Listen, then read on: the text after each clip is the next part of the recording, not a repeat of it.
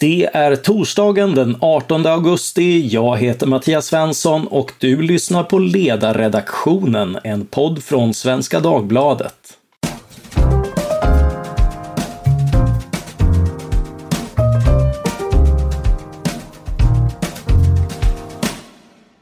Ja, dyrtid är det och sannolikt mer en fråga om om än när nästa ekonomiska kris är ett faktum. De är svåra att förutse, svåra att hantera och det är faktiskt svårt att ens i efterhand reda ut vad det var som hände. Och det är det sistnämnda som är ämnet för dagens poddavsnitt. Vad vet vi om Sveriges ekonomiska kriser?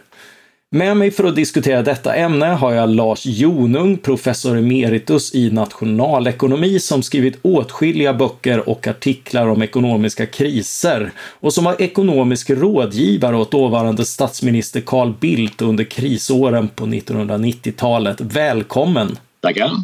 Ja, i helgen höll Socialdemokraternas nuvarande partiledare Magdalena Andersson sitt sommartal. Ett av de ämnen som berördes var den ekonomiska krisen på 1990-talet och det lät så här. Och vi är fortfarande många som minns vad som hände efter Moderaternas ekonomiska haveri på 90-talet. Ja, Moderaternas ekonomiska haveri. Kort inledande fråga. Hur väl stämmer den analysen? Jag anser att det är ett djupt missvisande uttalande. När jag först hörde det så associerade jag till begreppet fake news falska nyheter som är en beskrivning av vad som hänt i USA under Trumps tid. Och det är missvisande av två skäl. För det första så skapades den djupa krisen i början på 90-talet under åren 1985 till 1991, det vill säga under Ingvar Carlssons tid som statsminister. Då bedrevs det en alldeles för expansiv penning och finanspolitik som byggde upp de obalanser som utlöste krisen 1992.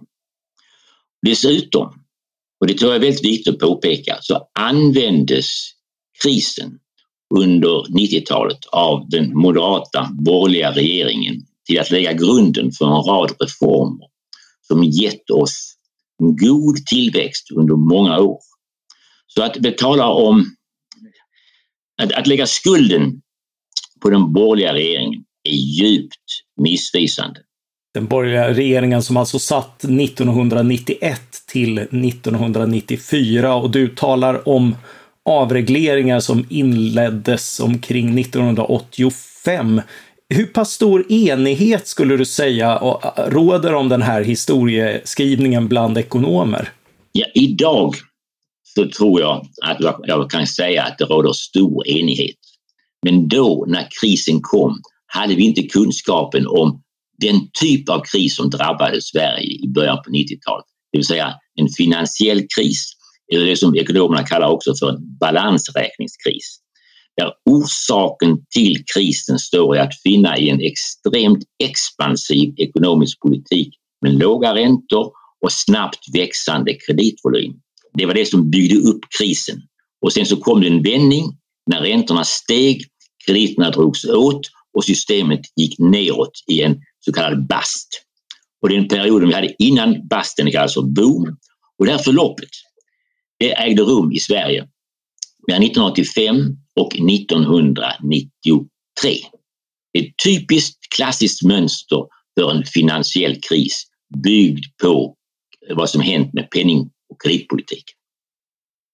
Hur mycket var det? Eh, det är ju inte ovanligt med kriser och, och, Finland till exempel fick en liknande kris som den svenska finanskrisen ungefär samtidigt och andra länder har gått igenom senare.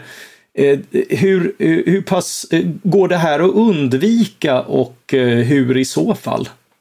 Det går att undvika om kreditpolitiken förs på ett stramt och konsekvent sätt. Det som är problemet här är att det skapas då och då finansiella bubblor genom kreditpolitikens utformning. Och det faktum att Sverige och Finland drabbades samtidigt, det vill jag förklara med att Sverige och Finland är ekonomiska tvillingar. Vi har följts åt, inte bara när det gäller NATO-politik och försvarspolitik, vi har följts åt mycket nära när det gäller den ekonomiska politiken, i synnerhet valutapolitiken. Och det som hände i Sverige, det hände också i Finland i början på 90-talet. Det hände i Norge i början på 90-talet. Och samma mönster har vi sedan sett i en lång rad länder. I Mexiko, Brasilien, flera länder i eh, Asien. Det är inget, och eh, det är inget nytt. I själva verket så finns det ekonomer som säger det att så länge som vi haft kreditväsen, det vill säga under de senaste 800 åren, har vi också haft finansiella kriser. Och det stämmer. Mm. Ändå var 90-talets svenska finanskris eh, på många sätt en inhemsk kris med, eh, med politiska orsaker. Hur, hur går det ihop? Alla finansiella kriser är huvudsakligen inhemska. De genereras genom en alltför expansiv politik under en fas som sen, följ av en, som sen följs av en starkt kontraktiv fas med kontraktiv politik som skapar krisen i form av höga räntor och åtstramning av kreditåtgången. Så att eh, vi kan som ett, en liten svensk, eh, liten svensk ekonomi inte lägga skulden på omvärlden för den kris som vi hade i början på 90-talet. Sen finns det andra kriser som har en internationell eh, grund och det är framförallt 30-talskrisen, 1930-talskrisen. Men det är en annan historia. Eh, när en ekonomisk kris väl är ett faktum, vad, vad, kan och ska politiken göra åt den och i vilken utsträckning gjordes det under 1990-talet?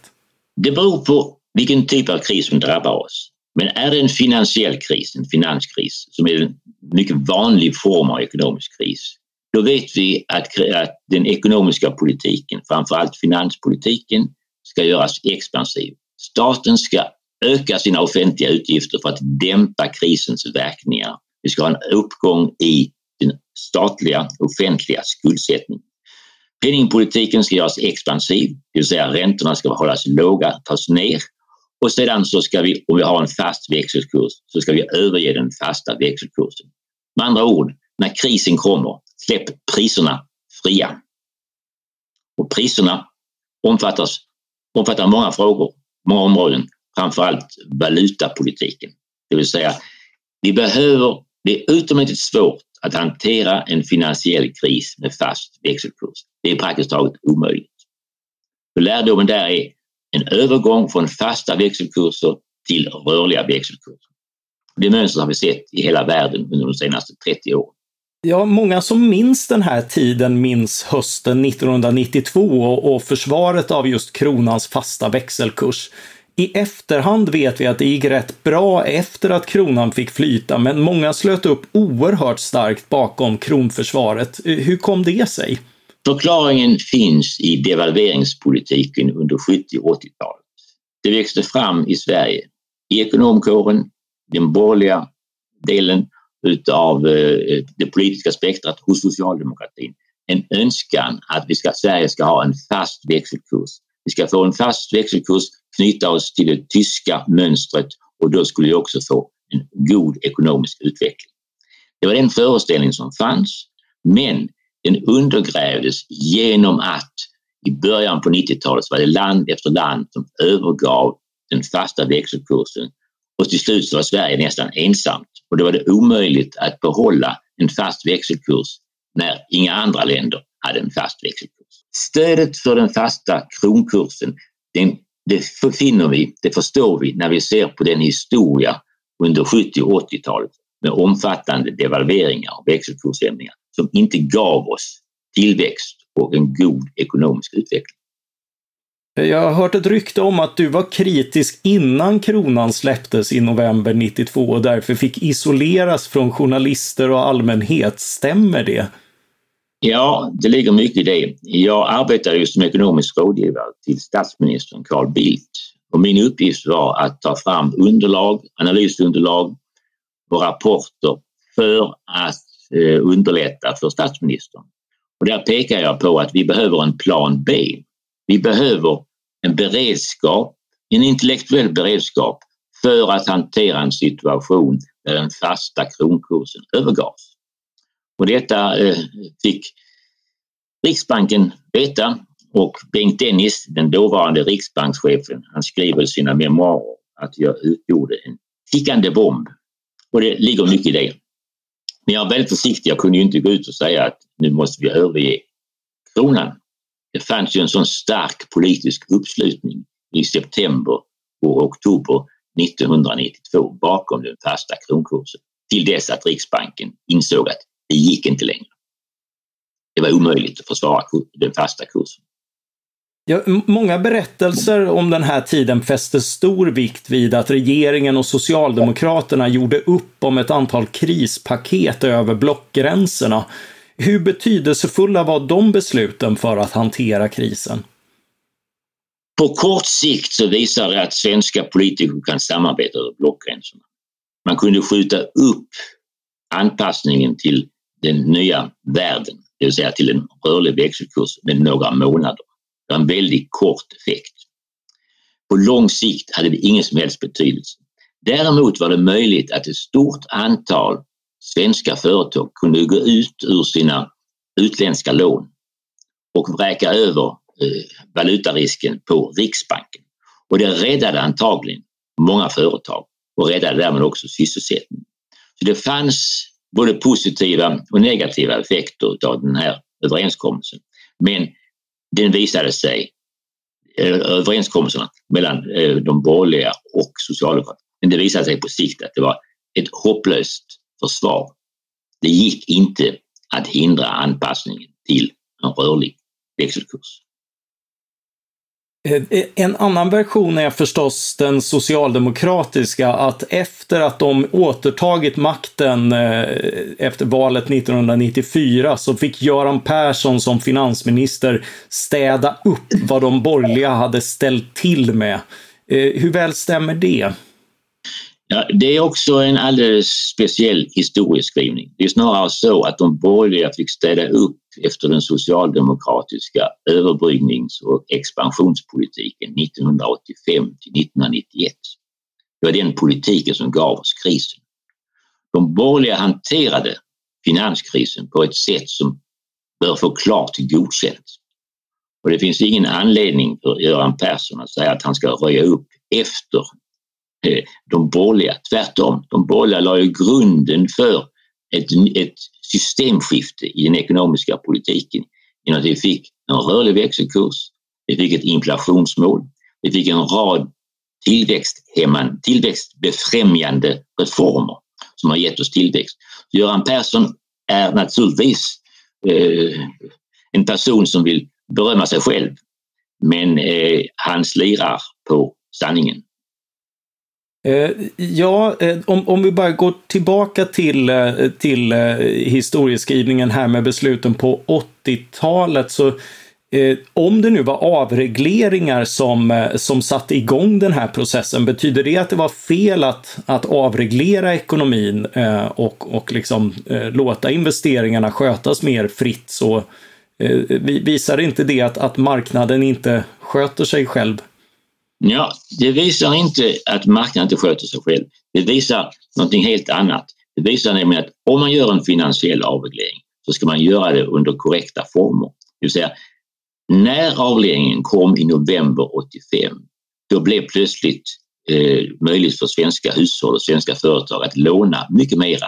Och då skulle den ekonomiska politiken ha gjorts stramare. Det vill säga, vi skulle få ett högre räntor vi skulle fått en stramare finanspolitik och vi kanske skulle också skulle haft en rörlig växelkurs.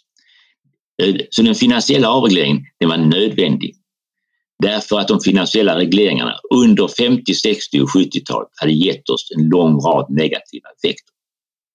Men som, som att hela allokeringen, det vill säga fördelningen av krediter i den svenska ekonomin bestämdes av Riksbanken och eh, Finansdepartementet. Och en sådan, den allokeringen den blev politiskt styrd, det var ett slags sovjetiskt centralstyre över svensk kreditmarknad. Och det innebar att vi fick med stor sannolikhet ineffektiviteter i kreditallokeringen.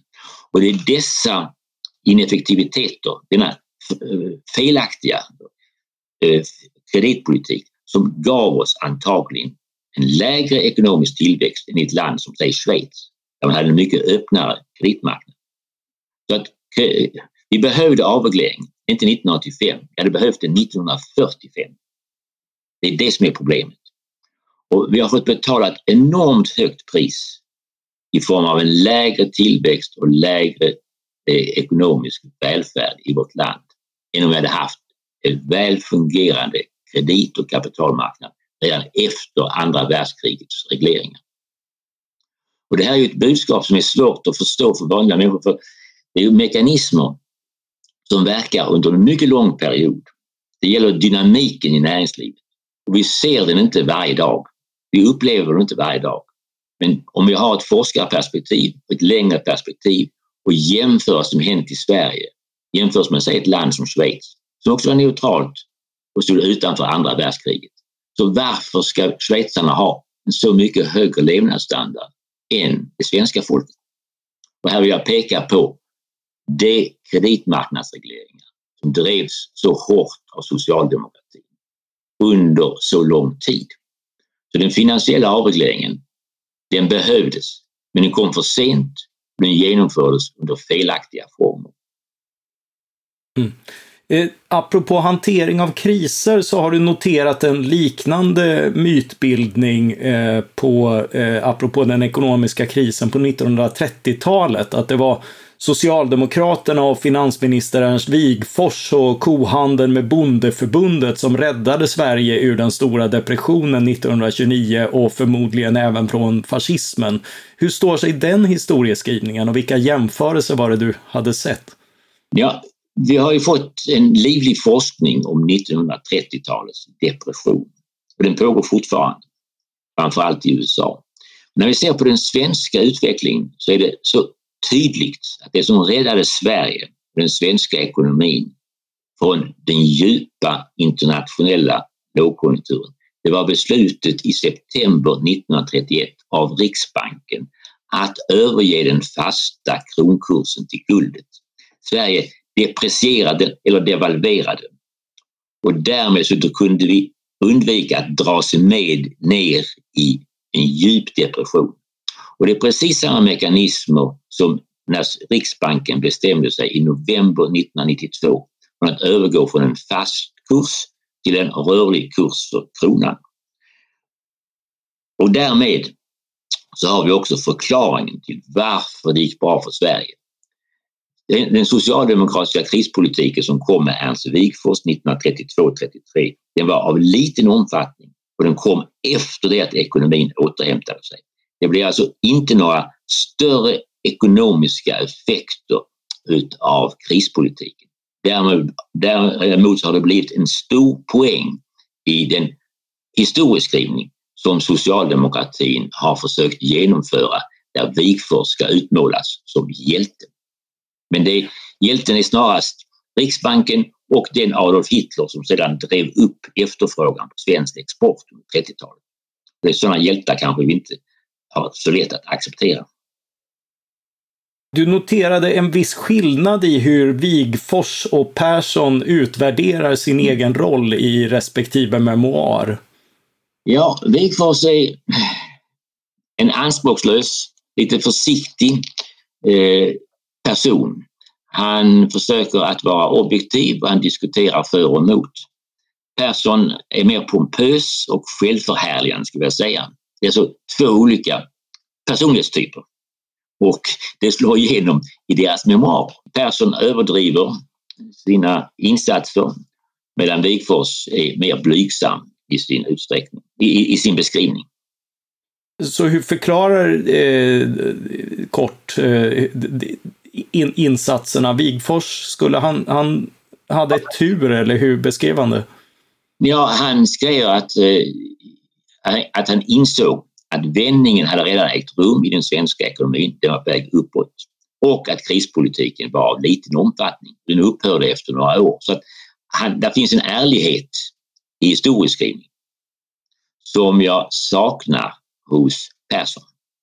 Han kunde sagt att efter alla finanskriser av den typ som Sverige drabbades av i början på 90-talet så ökar budgetunderskottet först och sedan när tillväxten kommer tillbaka, när krisen upphör, så växer eh, de statliga finanserna eh, på ett sådant sätt att budgetunderskottet elimineras. Och det innebär i stort sett att man ska ha mera eh, eh liberal inställning till budgetunderskottets storlek. Ja, det är stort nog att ta hand om sig själv som Reagan sa på 80-talet.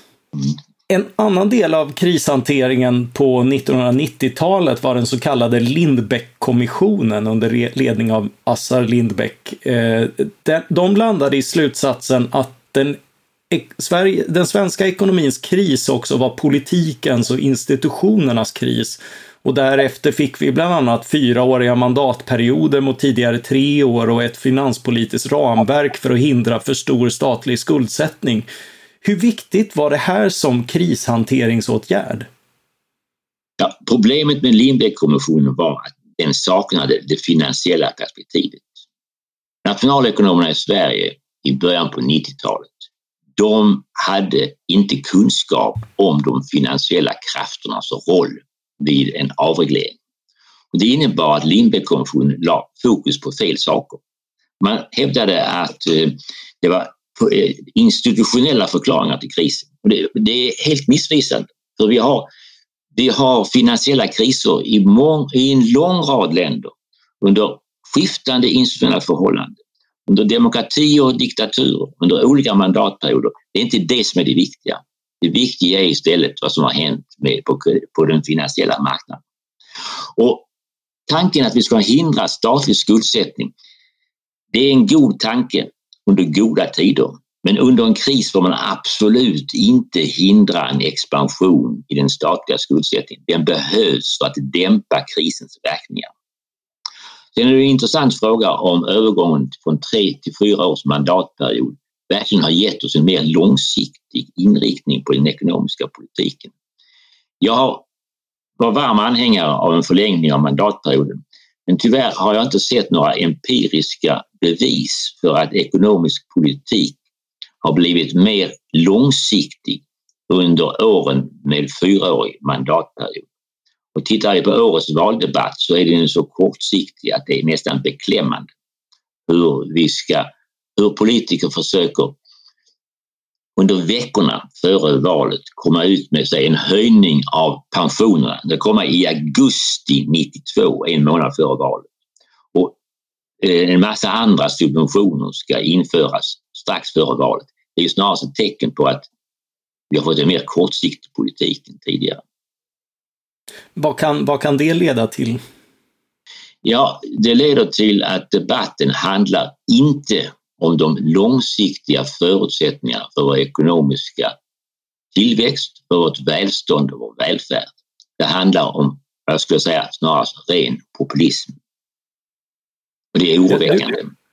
Ja, du har, du har varit inne på det redan i, när du skriver om 90-talet, eh, att det egentligen var två kriser som hanterades. En ja. finanskris och en tillväxtkris. Eh, ja. Vad går det att säga om den senare? Ja, tillväxtkrisen har vi haft lösningar på. De fanns bland annat i Lindbeckkommissionen och de fanns också i de uppgörelser och de lagändringar som tillkom under regeringen Bildt.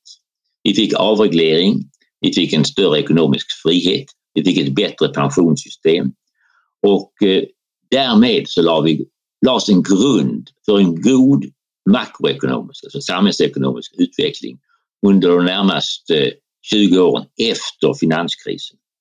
Tyvärr har vi inte sett några tillväxtreformer av större omfattning efter den finanskrisen. Och det, det är nästan så man kan bli deprimerad och säga, behöver vi ekonomiska kriser för att politiker ska kunna våga tänka om när det gäller exempelvis hyresregleringen på bostadsmarknaden, formerna för kollektiva beslut på arbetsmarknaden. Där finns ett stort reformbehov, men om vi ser på exempelvis dagens valdebatt, det är inget parti som går ut med ett program som heter i stort sett Ny start för Sverige med en lång rad reformförslag som fallet var när, när Folkpartiet och eh, Moderaterna gick ut med sitt program Ny start för Sverige inför valet 1991. Vi saknar mm. en reformator i den svenska ja. ekonomiska politiken. Vi, vi hade en ny stor finanskris omkring 2008. Eh, har den lärt oss något nytt och vad finns att säga om den svenska politiska hanteringen den gången? återigen av en borgerlig regering som fick detta i knät. Ja, den borgerliga regeringen, regeringen Reinfeldt, hanterade 2008 års finanskris på ett eh, bra sätt. Eh, för det första så hade vi en rörlig växelkurs för kronan vilket dämpade störningarna från utlandet. För det andra gavs det direkt ett stöd till det finansiella systemet. Och för det tredje så tillät man en viss uppgång i statsskulden men det var inte frågan om några stora åtgärder. Det behövdes inte därför här lät man helt enkelt det ekonomiska systemet hantera krisstörningarna givet de förändringar som man gjort i makropolitiken. För det är ingen som kritiserar eh, regeringen Reinfeldt för 2008 års hantering av den kris som fanns då, som var framförallt eh, en amerikansk kris. Ja, nej, det kan, finns kanske en anledning till att Magdalena Andersson går hela vägen tillbaka till 1990-talet i, sitt, i sin jakt på borgerlig krishantering. Vad, vad gäller, fin, finns det något vi lärde oss av, av den finanskrisen som eh, några, några lärdomar som inte fanns tidigare? Vilka nya insikter har kommit om de här förloppen? Ja, 2008 års kris blev ju aldrig en djup kris i Sverige och därmed så skapar inte heller krisen några nya lärdomar på det sätt som eh, krisen gjorde under, under 1990-talets början. Jag skulle vilja säga att det har funnits ett större förståelse bland ekonomerna för målet finansiell stabilitet. Om vi tittar i läroböckerna i nationalekonomi från 70 och 80-talet så står det att penningpolitiken och finanspolitiken ska vara inriktade på låg inflation och full sysselsättning. Ingenstans pratar man om finansiell stabilitet. Men i och med eh, den finansiella avregleringen och den oerhört snabba utvecklingen av de finansiella marknaderna, den så kallade finansiella revolutionen, så har finansiell stabilitet seglat upp som ett viktigt mål för den ekonomiska politiken. För finansiell stabilitet är ett sätt att undvika finansiella kriser i framtiden. Och därmed så borde målet finansiell stabilitet vara kanske ett huvudmål för den ekonomiska politiken eftersom finansiella kriser är de kriser som med största sannolikhet kommer att drabba oss i framtiden. Ja, eh, nu tänker jag på en artikel du skrev i Ekonomisk Debatt ihop med Fredrik N.G. Andersson, där, där du skrev att, eh, apropå hanteringen i efterhand här, att alla de historiskt sett nödvändiga ingredienserna för en kommande finanskris finns på plats. Eh, det var en text som varnade för lågräntepolitikens kreditexpansion som pågått sedan den senaste finanskrisen. Eh, men det var 2015, jag citerade det själv i en bok som kom 2017. Eh, var det en ogrundad varning eller hur kommer det sig att ingen finansiell nedgång materialiserats ännu? Det var ingen ogrundad varning. Vi har fortfarande låga räntor, vi har fortfarande en kraftig expansion av kreditvolymen. Vi bygger upp finansiella obalanser. Det är bara det att vi har ännu inte fått den impuls i form av kraftigt höjda räntor som ger oss en omsvängning och därmed en nedgång i ekonomin. Den kommer. Det är bara det att vi kan inte säga när den kommer. Eh, går det att i korthet sammanfatta vad vi vet nu 2022 om ekonomiska kriser? Ja, vi vet att de flesta djupa ekonomiska kriserna är knutna till hur det finansiella systemet fungerar. Så var det under 1930-talets kris. Så var det under stagflationskrisen. Så var det under början på 90-talet. Så var det 2008 och så kan det bli nu också 2022-2023. Det är oerhört viktigt att vi har ett fokus i den ekonomiska politiken och i den ekonomiska debatten hur det finansiella systemet fungerar. Vi har naturligtvis andra typer av kriser. Vi har pandemier, vi har krig. Men låt mig lägga fokus på den typ av kriser som äger rum under fredstid och som har sin orsak i den ekonomiska politiken. När jag gör det så är det det finansiella systemet och penningpolitiken och finanspolitiken som hamnar i centrum. Och orsakerna till kriser de finner vi i den ekonomiska politiken. Det ekonomiska systemet i sig är inte det som genererar krisen. Det är inte där vi finner orsaker. Och det tror jag är en viktig insikt för att många svenskar har ju eh, drabbats eller har, lever i föreställningen att det är bankerna eller bankirerna eller kapitalismen som skapar kriserna. De djupa kriserna. Men det är det inte. Vi måste söka ansvaret hos det som utformar den ekonomiska politiken. Det skulle jag säga är en central lärdom. Naturligtvis har vi konjunktursvängningar, vi har lågkonjunktur och högkonjunktur, men det är mer en del av det, ekonomiska livets dynamik och rytmik. Det behövs för att eh, hantera eh, en rad smärre störningar. Men det är inte de som är ett problem. Det som är problemet är den oerhört djupa krisen med arbetslöshet, politisk instabilitet, populism och allt annat som är, följer av allvarliga nedgångar. Ja, en, en av de lärdomar du, eh, du drar i, i en text jag, jag läste är att eh, ekonomiska kriser brukar få långtgående konsekvenser för politiken. Eh, vilken sorts effekter är det och går det att sia om vilka förändringar nästa kris kan få? Ja, jag, när jag pratar om E- e- effekter av djupa ekonomiska kriser, då tänker jag på exempelvis 1930-talets kris som gav oss Hitler, gav oss nazismen och fascismen och andra världskriget.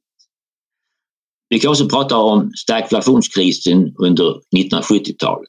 Den gav oss med tiden Margaret Thatcher och Reagan och en omsvängning i den ekonomiska politiken. Och 90-talets kris i Sverige gav oss en omsvängning, ett systemskifte när det gällde övergången från fast kronkurs till rörlig kronkurs och en självständig riksbank, ett inflationsmål och ett ramverk för att hålla finanspolitiken i schack. Och vi ser 2008 års kris. Den gav oss antagligen Trump. Den bidrog till Brexit. Och nu vet jag inte vad som blir följderna av 2020, 2022 års kris. Det kanske blir eh, populism och, och högerextremism i Italien. Det kan hända sånt i Frankrike, det kan hända sånt i andra länder också. För att djupa ekonomiska kriser har haft oroväckande allvarliga politiska konsekvenser. Däremot har vi hanterat, om vi rör oss med mindre kriser, lågkonjunkturer och sådant, så är det inte de som styr vår syn på världen. Men då är det de djupa kriserna som har bestämt hur vår värld ser ut idag. Ja, då får vi hoppas att eh, en sådan i alla fall är långt borta, även om tecknen inte tyder på det. Eh, tack eh, så mycket Lars Jonung för detta samtal. Tack också till alla er som har lyssnat. Eh, vill ni att vi fördjupar oss ytterligare i det dystra ekonomiska läget eller tycker ni att det har gått inflation i ekonomifrågor och vill se större återhållsamhet? Mejla till ledarsidan svd.se. Ledarsidan svd.se. Producent för det här avsnittet var Jesper Sandström. Jag heter Mattias Svensson och jag hoppas att vi snart hörs igen. Tack för den här gången.